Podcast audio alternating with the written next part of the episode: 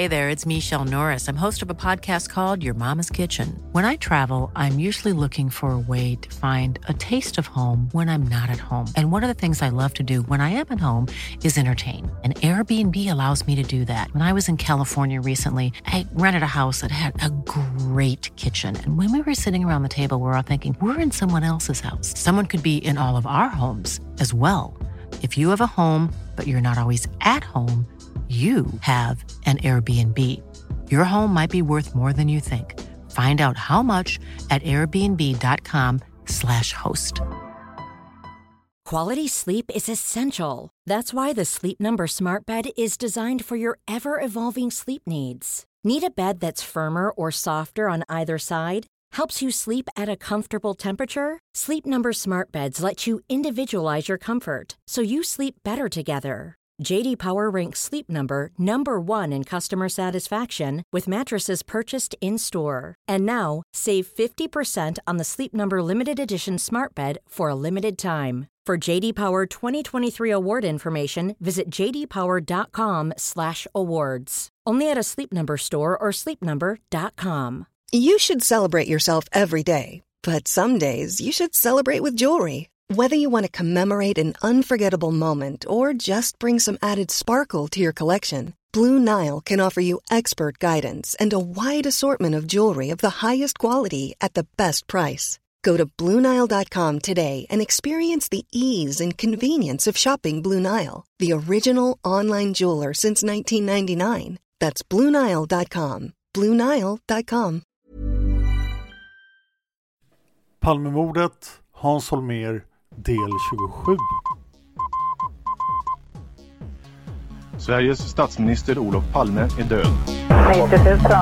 Ja, det är mord på Sveavägen. Hörde de säger att det är Palme som är skjuten.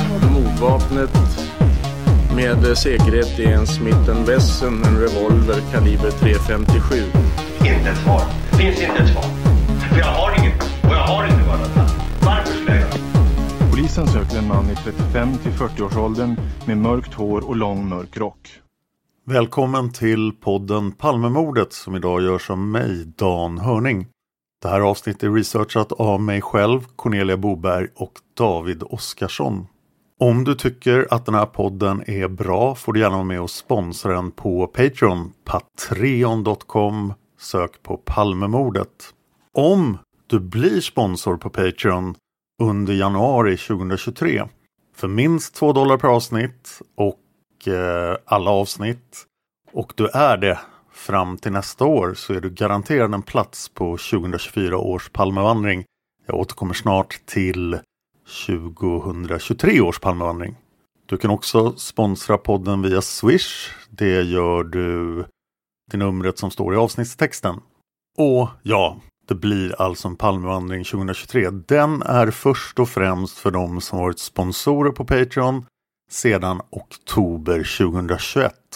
All information om Palmevandringen 2023 finns på Patreon och kan läsas av de som är sponsorer där. Om ni har varit med på tidigare Palmevandringar så blir det ganska likt men vi har dragit ner antalet deltagare sedan den ganska stora samlingen som var 2019 och 2020. Men jag har också en annan sak att berätta om. Det kommer att bli en Palmekonferens den 26 februari, alltså på söndagen innan. Jag är inte med och arrangerar den utan den arrangeras av Mattias Kressmark och Jonas Nyman som ni hört här i podden. Platsen kommer att vara Västmanska palatset på Holländargatan 17. Det vill säga väldigt nära biografen Grand. Det kostar 600 kronor att gå på Palmemordskonferensen och jag kommer lägga en länk i avsnittstexten till avsnittet så att du kan läsa mer om den och anmäla dig. Jag är alltså inte en arrangör för den här Palmordskonferensen men jag kommer att vara där och jag kommer nog att stå på scenen också men mer om det där. Så mycket spännande som händer i februari. Det är Palmemordskonferensen den 26 februari och sedan är det Palmevandringen den 28 februari. Det är värt att påpeka att båda tillställningarna har ett begränsat antal platser. Så anmäl er så fort ni bara kan. Kom ihåg att Palmemordskonferensen kostar 600 kronor och för att vara garanterad en plats på Palmvandringen måste du ha varit sponsor på Patreon sedan oktober 2021. Men blir du sponsor på Patreon för podden den här månaden så är du garanterad en plats på Palmvandringen 2024 om det nu inte dyker upp någon ny pandemi som gör att vi inte kan ha den. Och nu tillbaka till Hans Holmér. Efter att jag hade spelat in förra avsnittet så satt jag och funderade på de där förhören jag tog upp i slutet. Vad handlade allting egentligen om? Jag blev inte klok på det. Jag pratade med både Cornelia och med Johan, alltså Juan Esposito. Och Johan lyckades hitta en del tidningsartiklar som förklarade vad det hela handlade om. Men för att förstå det så måste vi gå tillbaka till tiden för hovrättsrättegången för buggningarna. Hans Holmér gick ut ganska hårt med att hans PKK-spår givetvis var riktigt och att han kunde namnge mördaren. Första sidan på Expressen från den 21 oktober 1991 är en bild på Holmér där det står “Jag ska namnge Palmes mördare”. Artikeln är ett helt uppslag och rubriken är “Jag ska namnge den jag tror mördar Olof Palme”. Tre dagar senare, den 24 oktober 1991, har Expressen framsidan Holmers Palmemördare på Säpos buggningsband. Jag höll i vapnet och sköt.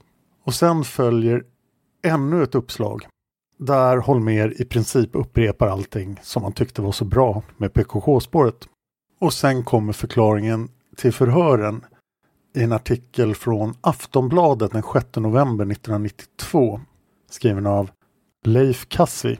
Artikeln är ganska kort och men har en väldigt stor bild där Holmer står i sin tvättstuga och ser jätteglad ut.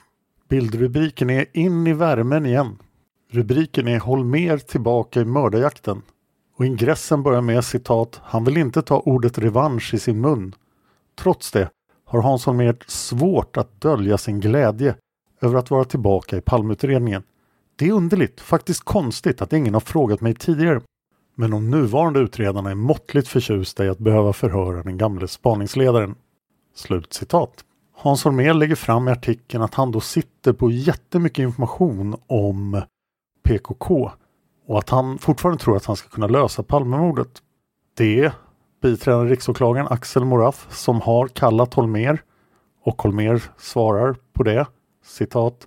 Jag förstod med en gång vad han ville. Det var att förhöra mig om PKK-spåret. Hans Ölvebro uttalar sig också i artikeln och säger citat. Vi har gått igenom PKK-spåret i många år.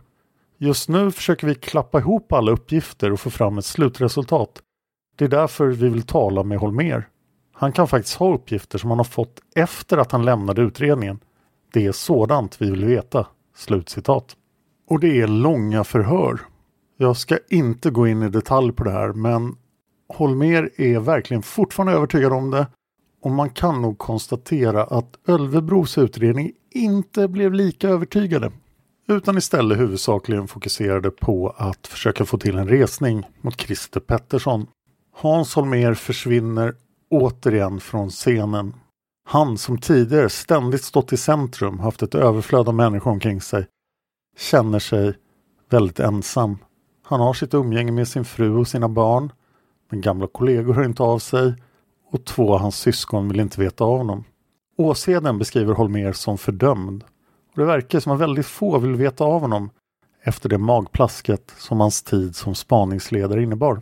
1993 får Hans Holmér ett eget tv-program på TV4.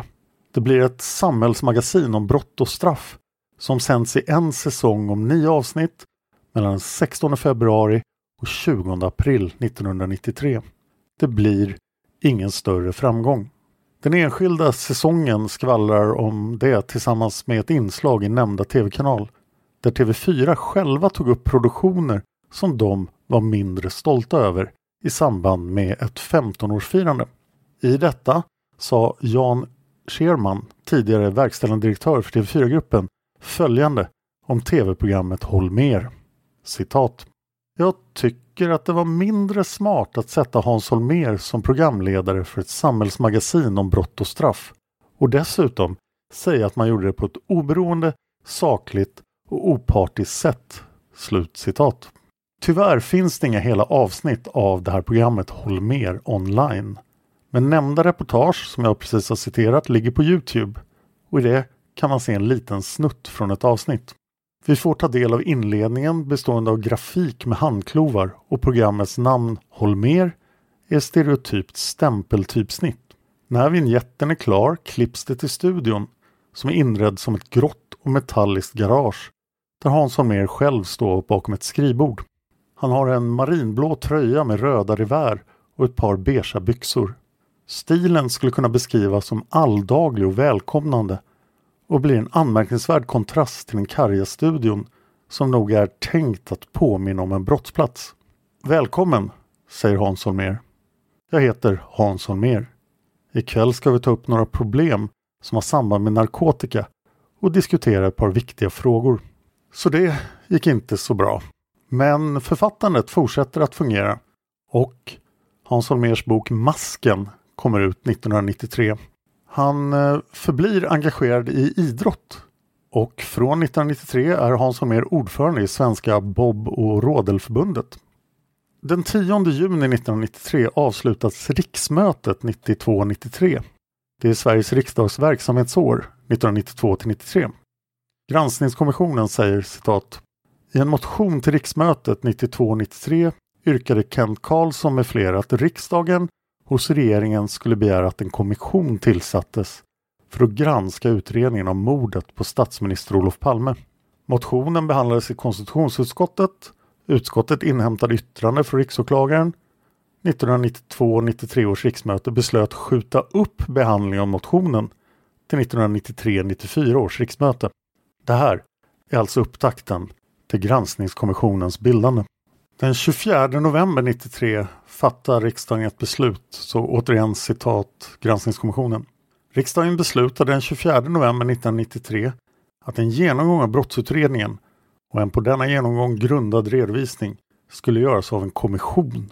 Riksdagen ansåg att den misstro som kunde finnas mot myndigheternas vilja att så grundligt som möjligt utreda alla omständigheter kring mordet kunde vara skadlig för vår demokrati och vårt rättssamhälle. Den öppna information om brottsutredningen som en ny kommissions arbete borde kunna ge medborgarna i Sverige kunde undanröja en sådan misstro. Samtliga riksdagspartier stod bakom beslutet. Det överläts till regeringen att mot bakgrund av utredningsläget besluta om vid vilken tidpunkt kommissionens arbete skulle påbörjas. Regeringen skulle vidare besluta om kommissionens direktiv och sammansättning. Slut citat. Granskningskommissionen kom ju att bli den mest granskande kommissionen av alla tre. Och den är ju en viktig, viktig källa för våra avsnitt. Nästan alltid. Och givetvis skulle granskningskommissionen titta noggrant på Hans Holmér. Men det skulle ta ganska lång tid för dem att göra klart den här granskningen. Det blev 1994. Ett av Hans Holmér framträdanden var som Björn Kelly. Detta var en gästkaraktär i Thomas Alfredssons tv-serie Bert från 1994. Serien var baserad på Anders Jakobssons och Sören Olssons böcker om mellanstadiekillen Bert och hans liv. I avsnittet som heter Den ohyggligt fule som handlar om när Bert för första gången ska få glasögon drömmer han en mardröm om hur han inte längre känns igen av sina föräldrar på grund av ett par överdimensionerade glasögon som han bär på nästippen. Föräldrarna blir så förskräckta över att de inte känner igen sin egen son att de ringer polisen. Bert springer förkrossad ut på gatan utanför sitt hus där en ansamling beväpnade poliser står beredda att övermanna honom. Det är kväll och fotot är kallt och blått. Ledaren för tillslaget står framåtlutad över taket på en av polisbilarna och stirrar bistert på Bert. Detta är Björn Kelly, spelar ingen mindre än Hans Holmér. Det ligger väldigt nära till hands att föreställa sig hur folk hemma i stugorna reagerade på denna scen när det begav sig 1994. Det är ju Hans Holmér! Möjligtvis en ganska överraskande cameo. Bert förklarar sig förtvivlat för polisen. Det är jag, Bert! Klipp till den bistre Björn Kelly som på riktigt grov svengelska konstaterar You have glaseögon. Alltså glasögon med grovt engelskt uttal. Han skrattar sedan ondskefullt medan Bert faller till marken. Författarkarriären fortsätter att gå bra. Hans bok Tiebreak kommer ut 1994. Granskningskommissionen har haltat här. Den 29 september 1994 behandlade regeringen frågan om tillsättandet av en kommission. Behandlingen skjutits upp eftersom dåvarande spaningsledare plötsligt gått ut och sagt att han skulle lösa Palmemordet under 1994. Han sa faktiskt citat inom ett halvår. Det gick inte så bra. Hans Ölvebro, inspirerad av gärningsmannaprofilen, hade börjat tro att nattvandraren Alf L var Palmes baneman. Det fanns bara ett stort problem. Alf L var mytoman och var definitivt inte Palmes baneman. Det här har vi tagit upp i avsnittet Misstänkta vittnen. Men nu kom arbetet igång och att prata med Hans Holmér om vad det faktiskt var som hände 1986 till 87 blev förstås väldigt intressant för den nytillsatta kommissionen. Men Granskningskommissionen säger själva citat Uppdraget avser i första hand en brottsutredning som inte har granskats av tidigare kommissioner. Det innebär att granskningsuppdraget primärt gäller tiden från den 5 februari 1987 och framåt. Av flera skäl måste dock även vår granskning beröra det första året. Det är inte möjligt att granska den följande tidens utredningsarbete utan att vara väl insatt i vad som förekom dessförinnan. En redovisning av brottsutredningen måste på samma sätt inkludera den första tiden för att bli helt begriplig. Vi kommer dock att falla tillbaka på och delvis helt förlita oss på den utredning och de bedömningar som framförallt juristkommissionen gjorde. Av skäl som framgår i redovisningen av juristkommissionens granskning förutsätter vårt uppdrag emellertid att vi förhåller oss relativt självständigt till granskningar som utfördes för mer än tio år sedan. Mot bakgrund av vad som sägs i direktiven förtjänar det vidare påpekas att varken juristkommissionen eller någon annan har granskat själva brottsutredningen under det första året på det sätt som vi uttryckligen har uppdrag att göra beträffande den därefter följande perioden. Det kan tilläggas att en bedömning av det så kallade polisspåret blir meningslös om det första årets händelser undantas. Vi har sammanfattningsvis sett våra direktiv i denna del som ett riktmärke men inte som en formell begränsning av vårt mandat." Slut citat. Granskningskommissionen var alltså väldigt intresserade av att förstå vad 17 som hände under Hans Holmérs år som spaningsledare. Hans Holmérs bok Blindträff kommer ut 1995 och här finns det faktiskt ett till tv-framträdande. Under 1995 eller 1994 medverkade Hans Holmér i den svenska dramaserien Du bestämmer. I varje avsnitt visades en dramatisering av ett moraliskt dilemma. Det här var lite grann som Bullens brevfilmer. I slutet av programmet Du bestämmer fick tittarna rösta via telefon om vilket av två alternativ huvudpersoner i programmet skulle välja. Frågorna som tittarna fick ta ställning till kunde vara till exempel Ska Birgitta posera naken eller inte? Eller Ska Tom som har blivit vittne till misshandel ange sin vän? Vi har inte kunnat hitta den svenska dramaserien Du bestämmer. Om du har sett den här serien och vet vad Hans Holmér gjorde i den så hör av dig. Maila oss på simboypodcast.gmail.com Simboy med Z. Den 29 november 1995 förhör granskningskommissionen Hans Holmér. Eller de frågar i alla fall ut honom. För dokumentet heter Utfrågning den 29 november 1995 med förre länspolismästaren Hans Holmér. Och det här är innan Sigvard Marjasin hade klippt sina kvitton så det är fortfarande han som leder arbetet. Marjasin säger Då ber jag att få hälsa Hans Holmér välkommen och anledningen till att jag bett dig komma hit till kommissionen är att vi vill diskutera dina erfarenheter och synpunkter speciellt när det gäller PKK-spåret. För den är vi starkt upptagna utav att titta på. Vi har också träffat Kegö här och fått höra hans erfarenheter av detta. Vi har ju tillfälle redan i våras att pratas vid om dina synpunkter. Om man tar den inledande frågan så vilka överväganden gjorde du eller spaningsledningen initialt i mordutredningen när ni diskuterade om det kunde vara en konspiration eller om det var en ensam gärningsman? Vilka värderingar gjorde ni i det avseendet? Hans Holmér, får jag ställa en fråga först? Marjasin, ja, varsågod. You should celebrate yourself every day, but some days you should celebrate with jewelry. Whether you want to commemorate an unforgettable moment or just bring some added sparkle to your collection, Blue Nile can offer you expert guidance and a wide assortment of jewelry of the highest quality at the best price. Go to Bluenile.com today and experience the ease and convenience of shopping Blue Nile, the original online jeweler since 1999. That's Bluenile.com. Bluenile.com. Hiring for your small business? If you're not looking for professionals on LinkedIn, you're looking in the wrong place. That's like looking for your car keys in a fish tank.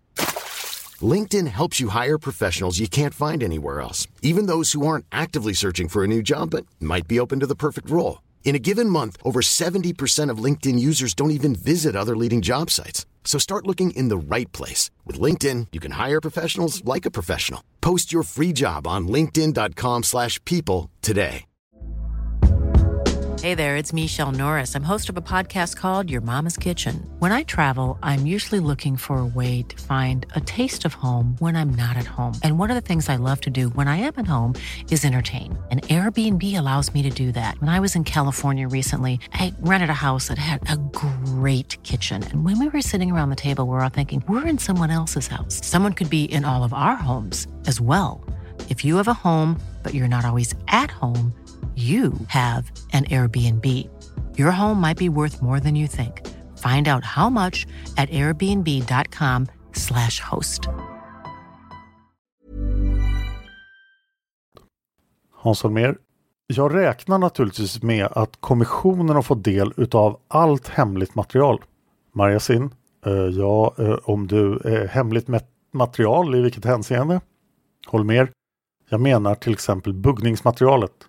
Maria Sin, ja. Hans Holmér.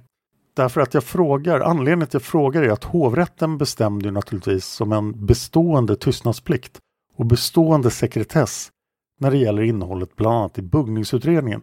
Och den sekretessen gäller ju naturligtvis för mig. Men den kan inte gälla för sådana som haft tillgång till samma material. Det är därför jag frågar. Maria Sin, vi har tillgång till både den öppna och den slutna delen. Holmér, okej, okay, tack för det. Marjasin, om man säger så här måste det vara på ditt eget ansvar att värdera och bedöma om du kan lämna uppgifter eller inte. Det vågar inte jag ha en uppfattning om. Kan Per kanske vägleda? Och ordet lämnas över till Per Kjellson.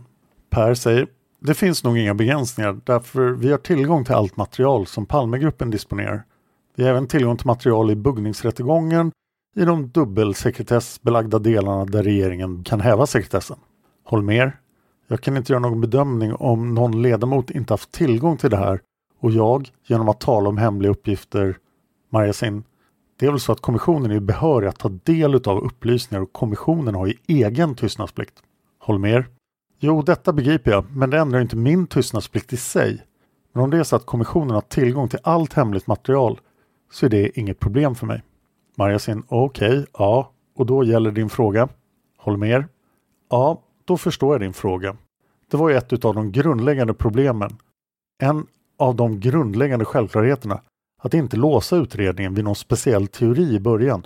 Utan vi arbetade mycket brett. Den där bredden på arbetet den pågick ända till dess jag avgick i februari 87.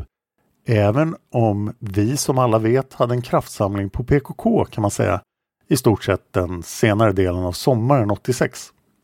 Men som ett exempel kan jag nämna, när vi hade vårt sista ledningssammanträde i februari 87, så hade vi alltså 170 olika tips eller spår som fortfarande bearbetades, varav PKK-spåret då var ett.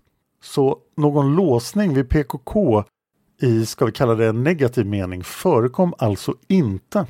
Det blev sedan tydligare i maj månad, i mitten på maj 86, att PKK var intressant, bland annat för mig. I början så tillhörde PKK en mer diffus grupp utav misstänkta organisationer. Sådana som vi räknade med av en eller annan anledning kunde haft planer på att mörda Olof Palme. Där fanns ju flera terroristorganisationer med på den kartan. Det fanns ju inte då något mer konkret som talade mot PKK.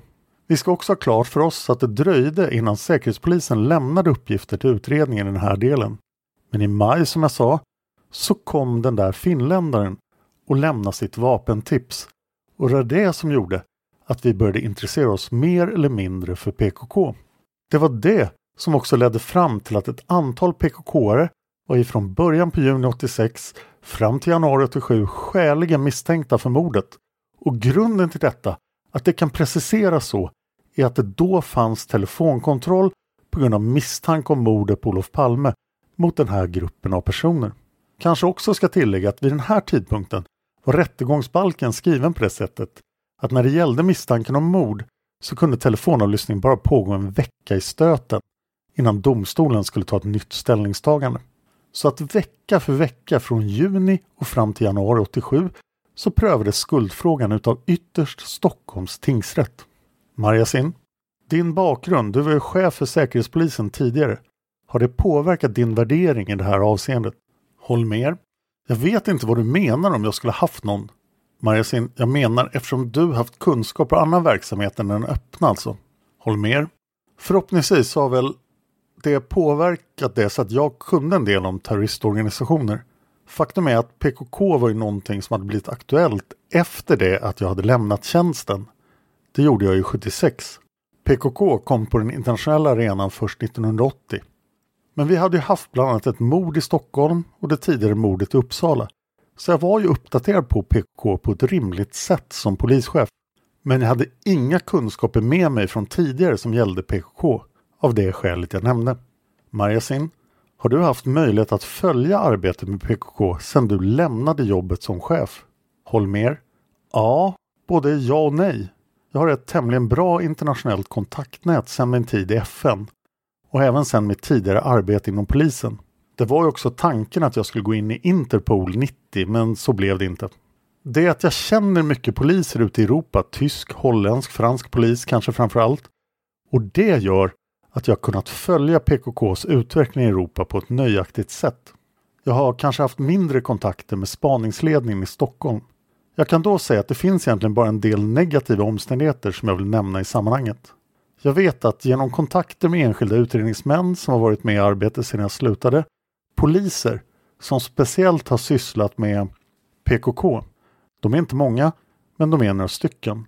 De har då berättat för mig att det under de första åren efter det att jag lämnade utredningen, alltså säg 87 till 89 någonting sånt, så rådde det ett mer eller mindre uttalat förbud ifrån Morats sida att utreda PKK. Det var också på det sättet att man, kanske inte uttryckligen, men mera indirekt förbjöd polisen att ha kontakt med mig. Och det är ett faktum att utredningen efter det att jag lämnade har haft bara två kontakter med mig. Den ena var i början på 88 då kontakten kom på mitt eget initiativ. Jag träffade Morath bland annat under en halvtimme. Andra gången var när jag kallades till Per-Erik Larsson för förhör som han sa. Jag tror att det här är fullständigt unikt i världen. Att man gör på det här sättet när man tar över en utredning. Att man inte åstadkommer ett samarbete eller försöker på annat sätt ha en smidigare övergång. Jag är helt övertygad om att jag sitter inne med kunskaper som de inte har kunnat tillgodogöra sig av det skälet att de inte har velat ha de kunskaperna.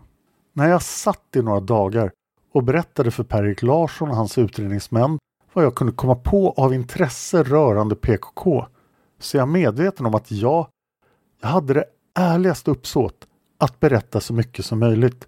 Men det går liksom inte att prata med en vägg när man pratar om det här komplicerade materialet. Man måste ha en dialog. Jag kan inte förstå att en sån dialog inte etablerades.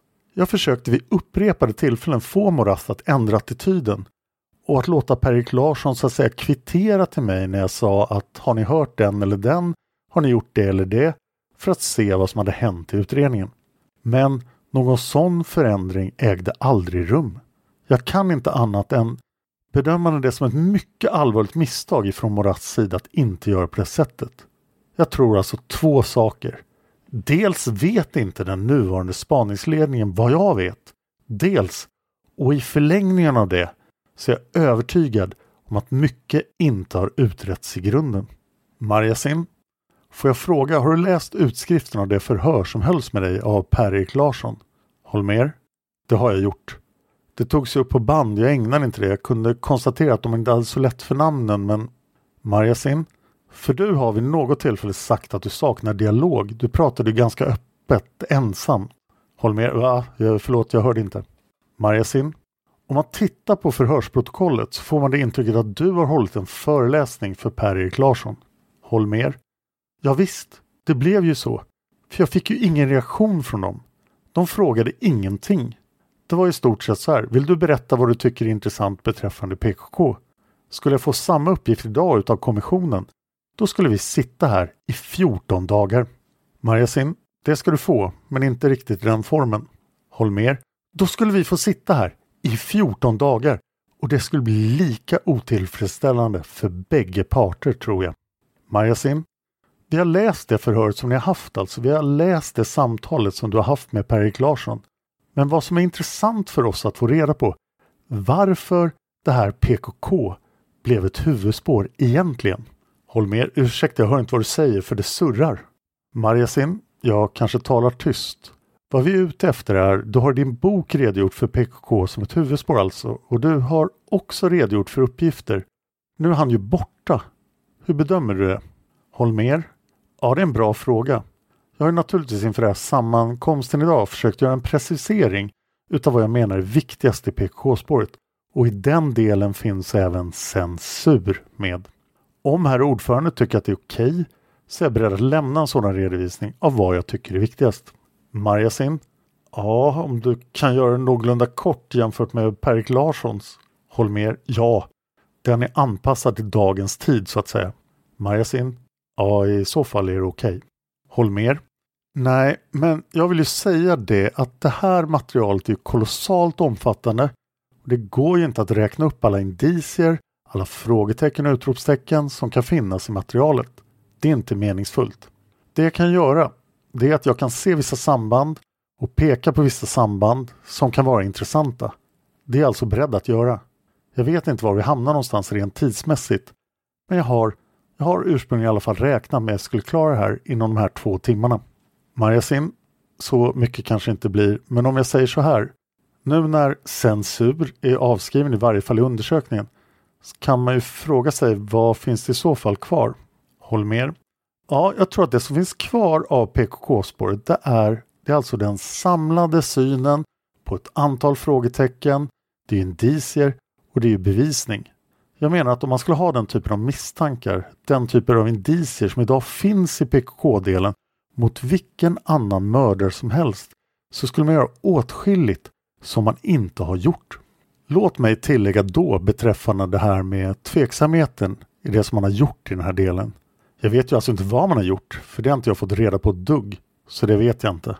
Men jag har ju talat med några av de där utredningsmännen som har funnits, framförallt Boja då, som har varit huvudansvarig som utredningsman. Och jag vet hur lite han kan av det här alltså. Det är ett faktum att han kan mycket lite. Det är också så att man kan se från den nya spaningslinjens sida när de vänder och börjar i första hand intressera sig för Christer Pettersson. I andra hand för en ensam gärningsman. Hur man ändrar på vissa förutsättningar. Ni känner naturligtvis till Jerker Söderbloms promemoria.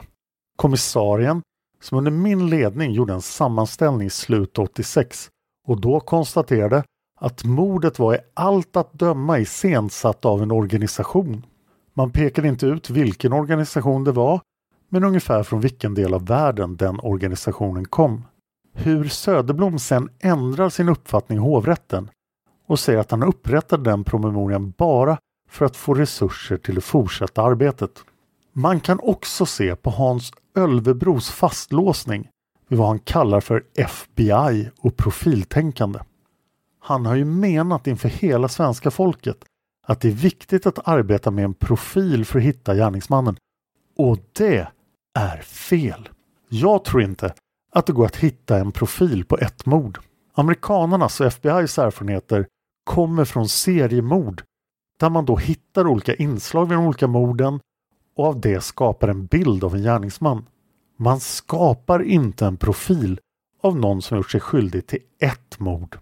Men om jag skulle då lämna det jag tycker alltså har varit en brist i utredningen sedan jag slutade och som är allvar i den här meningen att värdefullt material gått förlorat och går över till vad jag tycker är av intresse när man ska bedöma PKK.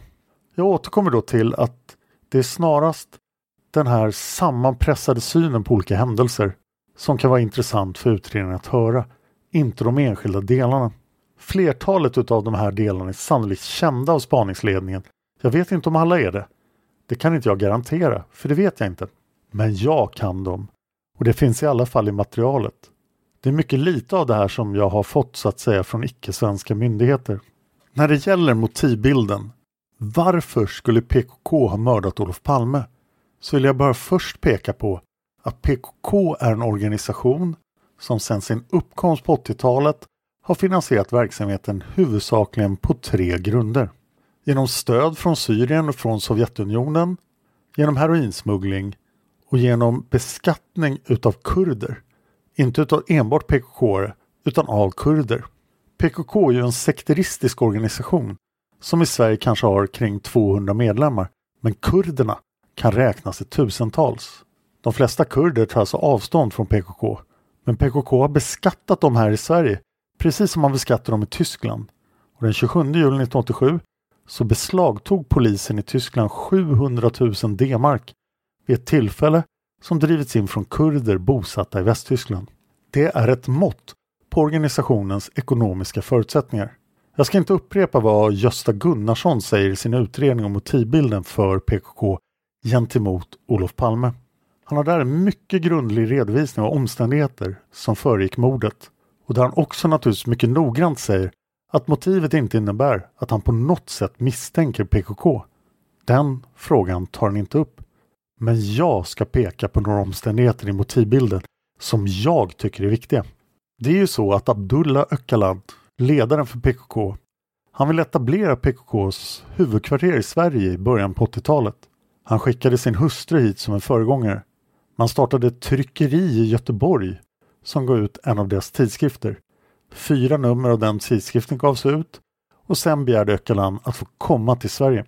Men han vägrades visum utav svenska myndigheter.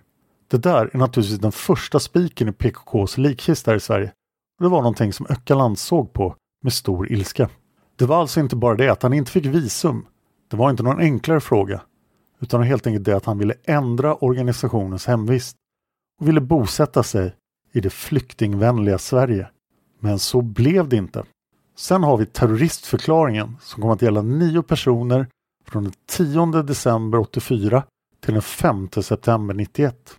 Det är klart att genom att förklara PKK-medlemmarna för terrorister så var Sverige det första landet utanför Turkiet som hade en terroristbedömning av PKK. Det här anser och ansåg PKK-arna var någon slags inblandning från svensk sida i det inbördeskrig som man anser rasar i Turkiet.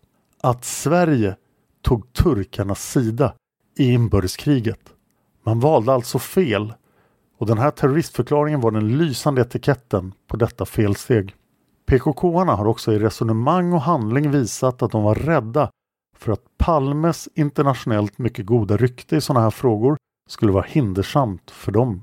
Att andra länder skulle ta efter det svenska exemplet när det gäller terroristförklaringar, till exempel Västtyskland.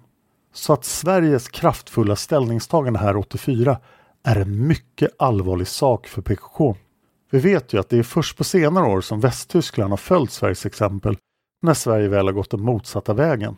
Man pekar också på att Palme mötte Turgut Özal, Turkiets premiärminister i FN, vid 40-årsjubileet hösten 85. Det var samma tillfälle som Sverige som första nation i Västeuropa valde att handla med turkarna efter militärkuppen 1980. Det första initiativet var att ASEA fick möjlighet att bygga tunnelbanan från Istanbul ut till flygfältet. På det här viset så öppnades Turkiet mot västvärlden. Det var ett pilotprojekt kan man säga. Det här är någonting som gjorde PKK-arna rasande. Och man kan på telefonavlyssning i december 85, när man ser att det här blir känt, så kan man höra när de fördömer det här initiativet från svensk sida. Det är också så att under hösten 85 så ändrar Sverige attityd mot Turkiet före det här med ASEA. Sverige hade strax efter militärkuppen gått i bräschen för en anmälan till Europadomstolen mot Turkiet för brott mot de mänskliga rättigheterna tillsammans med de skandinaviska länderna med Holland, Belgien också. Men Palmes regering tog tillbaka denna anmälan. Också det hände på hösten. Det finns också en händelse som är värd att hålla fram i rampljuset.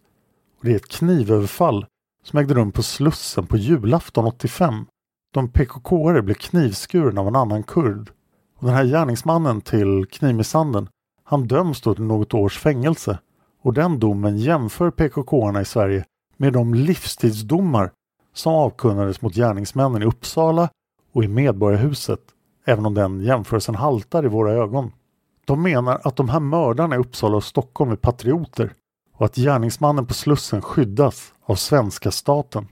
Det är det här klimatet som råder under hösten 85 och det är också skälet till att man inom regeringen bland annat diskuterar om inte Olof Palme och Anita Gradin bör ha ökat skydd med tanke på risken för att PKK ska företa sig någonting. Det här är av allt att döma en diskussion eller samtal som stannar inom regeringskansliet och inte förs över till Säkerhetspolisen. Men som Gösta Gunnarsson kommer fram till som slutsats i sin utredning är ju att han menar att Olof Palme borde med tanke på den hotbild som rent objektivt fanns från PKKs sida under hela hösten fram till mordet så borde Olof Palme ha skyddats med säkerhetsvakter. Och här en bit censurerat men eh, Holmer pratar om eh, Peter och att det är känt att det utfärdats en dödsdom i Syrien mot Olof Palme. Marjasin, får jag fråga, är det Damaskusmötet du talar om? Holmer, Damaskusmötet, ja, den dödsdomen är utfärdad förmodligen under sommaren 85, möjligen redan på våren. En av de människor som var med vid det här, låt oss kalla det sammanträdet, är en i Västtyskland då bosatt turk. Jag tänker inte tynga framställningen med alla möjliga för och efternamn. Men jag kan säga att alla namn jag nämner i fortsättning här är sådana på vilka det finns mer eller mindre fullständig identitet. Lite senare. I maj månad 85, helt separat från det här sammanträdet i Damaskus, så kom censur tillbaka till Sverige. Jag utgår ifrån att censur är bekant för er. Han är alltså den så kallade advokaten har varit en galjonsfigur och en portalfigur för PKK i Sverige och i Västeuropa. Han kommer tillbaka till Sverige i maj 85. Då har han varit borta ett år ungefär. Han försvann i samband med mordet i Uppsala och han greps när han kom tillbaka i maj 85. Därför att då ville Säkerhetspolisen pröva om också han skulle bli terroristförklarad och underkastas kommunförbud. Så blev det nu inte. Utan han satt i förvar hos polisen i tio dagar, någonting sånt. Det som är intressant med honom i fortsättningen är att han den 25 juni 85 i Gamla stan träffar två personer och de är utbildade av censur. En av dem har också förmodligen utbildning i någonting annat som är censurerat. De är vid det här mötet redan kända av svenska Säpo men för annat än det här att de umgicks med honom. Vi har alltså fyra personer nu i luften så att säga. Den 6 augusti håller han en presskonferens där han utfärdar ett ultimatum till den svenska regeringen och säger att om den svenska regeringen inte ändrar sin inställning till PKK och de terroristförklarade PKK-arna så kommer PKK att betrakta Sverige som Kurdistans fiende. Anledningen till att han höll den där presskonferensen, det vet han väl kanske bara själv. Men rent objektivt sett, så att säga, så fanns det en anledning till det. Och det var att Säkerhetspolisen strax dessförinnan hade bekantgjort viss del av underlaget till terroristförklaringen. Så han hade väl all anledning att försöka rentvå PKK. Det ultimatum som han utfärdar det tidsbestämde han alltså till två månader. Han sa att regeringen hade två månader på sig att ändra sin uppfattning. Vi kunde avläsa reaktionerna i Damaskus på hans utspel. Han fick beröm då för att han hade utfärdat ultimatum till regeringen men han fick kritik för att tidsfristen var för kort. Man sa nerifrån att en rimlig tidsfrist var sex månader. Vi vet sen genom buggningsmaterialet och genom en del avlyssnade telefonsamtal att det äger rum ett sammanträde den 16 september och dagarna däromkring. Man kan kalla det ett planeringsmöte. Första signalen om det här sammanträdet kommer per telefon den 13 september där några av de här inblandade pratar om att de ska träffas. Det är ett antal intressanta personer som träffas. De är sex stycken tror vi. Tror jag, kanske jag ska säga numera. Lite senare. Vi vet också att Palme skuggades under valturnén vid ett tillfälle när han var ute på Järvafältet under september. Det vet vi genom telefonavlyssning. Det som sen händer av så att säga mera anmärkningsvärt slag det är att Olof Palme den 16 oktober får ett hotelsebrev från Köln som är mycket allvarligt till sin utformning. Lite senare. Den 18 november finns det en intressant iakttagelse om man sätter in det i ett något större sammanhang. Då följer Säkerhetspolisen en kurd under en promenad uppe vid Johannes kyrka där han tillsammans med medarbetare fotograferar. Vad de riktigt fotograferar framgår inte. Den här medarbetaren han driver den 28 februari en restaurang i närheten av mordplatsen. Det var naturligtvis mycket lätt att komma in på en hypotes för hur attentatet mot Palme kunde ha planerats Om det nu var så att PKK planerade attentat mot honom. Vi visste, vem som helst som övervakade Olof Palme skulle snabbt få reda på att de gånger som han besökte partihögkvarter på Sveavägen och gick från Rosenbad eller gick från riksdagen till partihögkvarteret så hade han aldrig livvakter. Det ingick i hans ideologi så att säga att när han var ordförande i Socialdemokratiska partiet så hade han inte livvakter. Det måste ha framstått för varje person som skuggade honom att det var på det sättet. Partihögkvarteret ligger ju på Sveavägen 64. Det ligger mitt emot biografen. Vi räknade då, och jag räknar idag med, att man har kunnat tänka sig att de ursprungligen planerade att skjuta Olof Palme när han var på väg ifrån partihögkvarteret tillbaka till regeringskansliet. Eller till regeringskansliet och att den här biokvällen spelade PKK i händerna verkligen. I så fall hade man redan planerat för gärningsmannens flykt. Om man tittar just på mordplatsen så är den naturligtvis exemplarisk för en skytt till fots att springa upp för trapporna. Han kan ju inte förföljas med bil. Sen blev det ytterligare komplicerat genom att just i början på 86 så satte man upp de här byggfuttarna inne på Tunnelgatan som gjorde i stort sett varje efterföljande komplicerat. Lite senare. Jag ska sen gå över till en vapenanskaffning eller försök till vapenanskaffning som finns i den här delen av målet. Holmer ger sig därefter in på en lång förklaring om vapenanskaffning och lite senare säger Marja sin Får jag ställa en annan fråga till dig? Nu har jag läst din bok, det gjorde jag ganska tidigt, där du beskrev hur PKK arbetar internationellt. Du räknade upp en rad mord, 13 eller 14 mord tror jag du beskrev. Genomgående för de morden och genomgående för de mord som varit i Sverige som vi vet PKK har gjort har ju varit att med ett undantag när så rörde sig om avhoppare eller i varje fall PKK. -are. Det är väl en tysk polis som kommer i vägen vid ett tillfälle.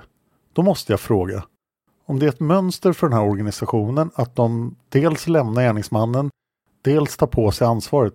Varför skulle de bryta mönstret i det här fallet?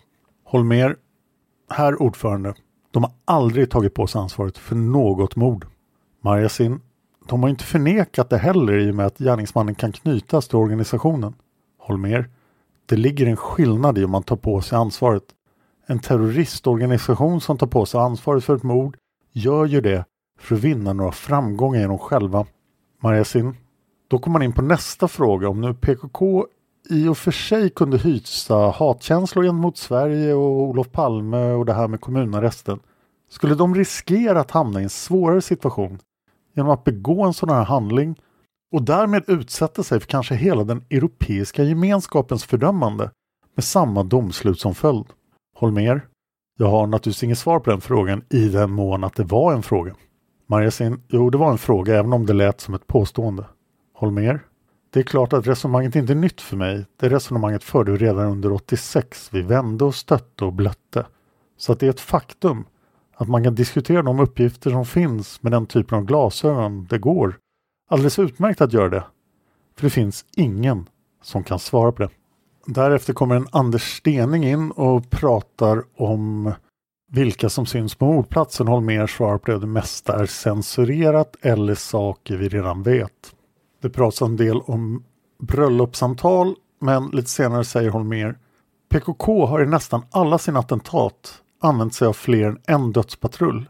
Man har alltid arbetat med två gånger tre personer för att vara på den säkra sidan vad det gällt avhoppare till exempel. Vi kan nu konstatera att det finns två grupper med PKK som kommer in till Sverige under senhösten 85. De här grupperna är intressanta att syna närmare i sömmarna. Det är en sådan granskning som jag efterlyser. Och efter det pratar hon mer om massa personer och han berättar också om en episod i en park utanför Köln. Men den ska jag spara till vi gör PKK-spåret. Anders Stening kommer också in på Lisbet och Hans Holmér vidhåller då att Lisbet inte såg mördaren. Och sen kommer han in på förhöret från slutet av mars. Holmér. Jag höll ju det första grundliga förhöret med Lisbet den 25 mars någonting sånt. Ett antal dagar efter begravningen hon var då mycket tydlig när hon berättade. Vi pratade länge i lugn och ro om det här och hon gav en fullständig bild av vad hon hade sett. Hennes beskrivning var då den att när hon åker ner, eftersom hon går i armkrok med Olof, så åker hon ner på trottoaren och dras ner så här. Då tittar hon bakåt för att söka hjälp. Hon har ända från första stund talat om att hon vill söka hjälp hos någon. Då tittar hon bakåt och och den person som hon ser han retirerar bakåt så hon förstår att där har hon ingen hjälp att hämta. Sen beskriver hon kläderna som den här personen har. Hon säger att han har en täckjacka som går till stussen. Det är ingen midjacka, den är inte överdrivet lång. Men den går till stussen. Han har ljusare byxor. Och det är inte jeans. Om man lägger in hennes iakttagelse på scenariot för mordplatsen så stämmer de uppgifterna utomordentligt väl med vad Björkman, vittnet som var nära mordet, hur han var klädd och hur han såg ut. Det stämmer alltså inte på något sätt med hur en Christer Pettersson skulle sett ut på plats som Christer Pettersson, den typen av människor, alltid har jeans. Hon har heller aldrig under hela den här processen som hon varit med om någonsin sett något vapen i handen på den här personen. Jag tror alltså, eller gör den bedömningen, att den person hon har sett och som så småningom med hennes medvetande på olika sätt har undergått vissa förskjutningar från början har varit Björkman. Ett par saker är mycket tydliga från de här 40-talet personer som ser delar av mordet, ser delar av mördarens flykt. En uppgift är att han har en rock eller en rockliknande jacka som går nerför knät och fladdrar. Det är också klart att han har en huvudbonad. Jag tror att det är det man kan komma fram till gemensamt. Idag om man frågar människor i allmänhet så tror nog de flesta att mördaren hade en täckjacka. Men det är alltså en förskjutning som har ägt rum. De första larmen från polisen gällde bland annat någon med längre rock. Holmer fortsätter sedan att prata om Lisbeth och sen får han frågan från P. Kjellson om varför han höll förhöret med Lisbeth Palme. Holmer svarar det har väl att göra dels med hennes svåra situation och dels att hon, jag förstod på henne, att hon inte ville prata det här läget med några andra. Holmér nämner dessutom att det inte finns några andra minnesanteckningar än det vi alla känner till och att hon vägrade ha en bandupptagning. Han berättar också att samtalet ägde rum i Ebbe Carlssons lägenhet men Ebbe Carlsson var inte hemma. Holmér bekräftar också att det var det enda samtalet han hade med Lisbeth. Hi, I'm Daniel, founder of Pretty Litter. Cats and cat owners deserve better than any old-fashioned litter. That's why I teamed up with scientists and veterinarians to create Pretty Litter. Its innovative crystal formula has superior odor control and weighs up to 80% less than clay litter. Pretty Litter even monitors health by changing colors to help detect early signs of potential illness. It's the world's smartest kitty litter. Go to prettylitter.com and use code ACAST for 20% off your first order and a free cat toy. Terms and conditions apply. See site for details. Planning for your next trip? Elevate your travel style with Quince. Quince has all the jet setting essentials you'll want for your next getaway, like European linen, premium luggage options, buttery soft Italian leather bags, and so much more and is all priced at 50 to 80% less than similar brands. Plus, Quince only works with factories that use safe and ethical manufacturing practices. Pack your bags with high-quality essentials you'll be wearing for vacations to come with Quince. Go to quince.com/pack for free shipping and 365-day returns. Hey, it's Paige DeSorbo from Giggly Squad. High quality fashion without the price tag. Say hello to Quince. I'm snagging high-end essentials like cozy cashmere sweaters, sleek leather jackets, fine jewelry, and so much more. With Quince being 50 to 80% less than similar brands. And they partner with factories that prioritize safe, ethical, and responsible manufacturing. I love that. Luxury quality within reach. Go to quince.com slash style to get free shipping and 365-day returns on your next order. quince.com slash style. T. Holst frågar, hade du tänkt att det skulle följas upp med ytterligare samtal? Holmer, självklart. Holst, och hur kom det att ske? Holmer, det skedde sen flera andra förhör, bland annat höll Tommy Lindström flera förhör med henne vet jag. Holst, men inte heller då vill hon säga särskilt mycket mer. Holmer, nej men det kan ju bero på, jag vet inte. Jag kan bara förklara varför jag nu inte ställde en del frågor, men jag vet inte varför. Men Lisbeth Palme är oerhört komplicerad att höra. Jag tror att det ska vara svårt att höra henne i ett vanligt sammanhang. I det här sammanhanget var det utomordentligt svårt att höra henne. Holmer pratar lite mer om Lisbeth, sen om Palmehatet och sen börjar han uttrycka sina åsikter om eh, KG Svensson. Lite senare frågar B.O. Jonsson. Det har ju hävdats att man inte organiserade arbetet enligt den gamla mordbibeln som man brukar tillämpa. Det medförde till exempel att spaningstipsen inte blev inlagda i förundersökningsregistret och inte heller bearbetade inom rimlig tid har det sagts. Sen har det då hävdats att det var först sedan den nya spaningsorganisationen med Hans Ölvebro i spetsen upprättades som det blev någon ordning på åtgärderna och man började arbeta mer systematiskt och målmedvetet. Har du någon kommentar på det? Holmer? Nej, jag har naturligtvis hört Ölvebros synpunkter och slutsatser och bedömningar. Det har jag gjort. Jag kan bara säga det. Att när vi började med utredningen så arbetade vi under ett mycket starkt tryck. Huvudsaken därför att tipsflödet var så omfattande. Det var inte så att jag eller någon i spaningsledningen satt och gjorde några bedömningar utan tipsen gick ju ner precis som vanligt till de vanliga organisationerna. Det var bara det att de organisationerna måste bli så pass mycket mer omfattande, så mycket större eftersom flödet var så kraftigt. Det var det som var nålsögat i början. Hans mer fortsätter att prata just det hur jobbigt det var i början och det var därför det inte fungerade. P. Kjellson frågar sen Sven Anér har skrivit ett par böcker om den så kallade affären Borläng och polisspåret där du är en central person. Hur ser du på hans uppgifter? Kan du beskriva det? Holmer Jag vet inte om jag vill beskriva det på band så att säga. Jag tror att jag avstår. Marjasin Stäng av bandet. Och så står det i protokollet bandet avstängt, fortsättning följer. Holst ställer sedan lite frågor som rör om Iran och Sovjet var inblandade i PKKs planer att mörda Palme. Och då hänvisar Holst till Ebbe Carlssons idéer om saken. Holmér svarar Ja, så tillvida så höll jag med Ebbe när vi pratade om det här att det finns en koppling mellan Palmes medraroll och PKK. Om man drar ut det lite långt det där sambandet. I den här Iran-Irak-konflikten, där var ju Syrien och PKK på en sida. Det var möjligt och tänkbart att man skulle kunna få PKK att agera på Irans eller Iraks sida i konflikten. Det är teoretiskt möjligt. Men det närmaste som det går att komma enligt min bedömning i det resonemanget det är då att den här dödsdomen ska utfärdas i Damaskus i Syrien och att det där finns medlemmar som kom från Iran. Så långt kan man komma. Men något längre kommer jag inte. När det gäller Sovjets inblandning så finns det uppgifter i materialet som ni vet som visar att den illegala residenten för Sovjetunionen i Sverige vid den här tidpunkten. Och där bryts bandupptagningen. Och när de börjar prata igen så är Sovjetunionen borta ur sammanhanget. Men det kommer tillbaka lite senare. Men leder inte riktigt någonstans. H. Winberg har lagt märke till att eh, Holmer har gett en ny uppgift där. Han säger Du sa också det att Olof Palme icke ville ha bevakning när han gick till partihögkvarteret. Mitt minne är att det var en så kallad fri triangel. Men det var riksdagshuset, regeringsbyggnaden och bostaden i Gamla stan. Så det här är en uppgift som jag i varje fall inte kommer ihåg att jag hört förut. Den är inte beskriven tror jag i de tidigare utredningarna. Holmer? Nej, men det, den där fria triangeln är ju mer känd. Winberg? Du utökar den så att säga. Holmer? Ja. A. Stening? Bara en följdfråga. Du säger att Olof Palme skuggades. Din bedömning är att han skuggades från Västerlånggatan. Hur ser du då på de uppgifter som finns i utredningen som avser just den färden? Och de vittnen som finns? Har du någon konkret kommentar till vad bristen där i ligger då? Holmer?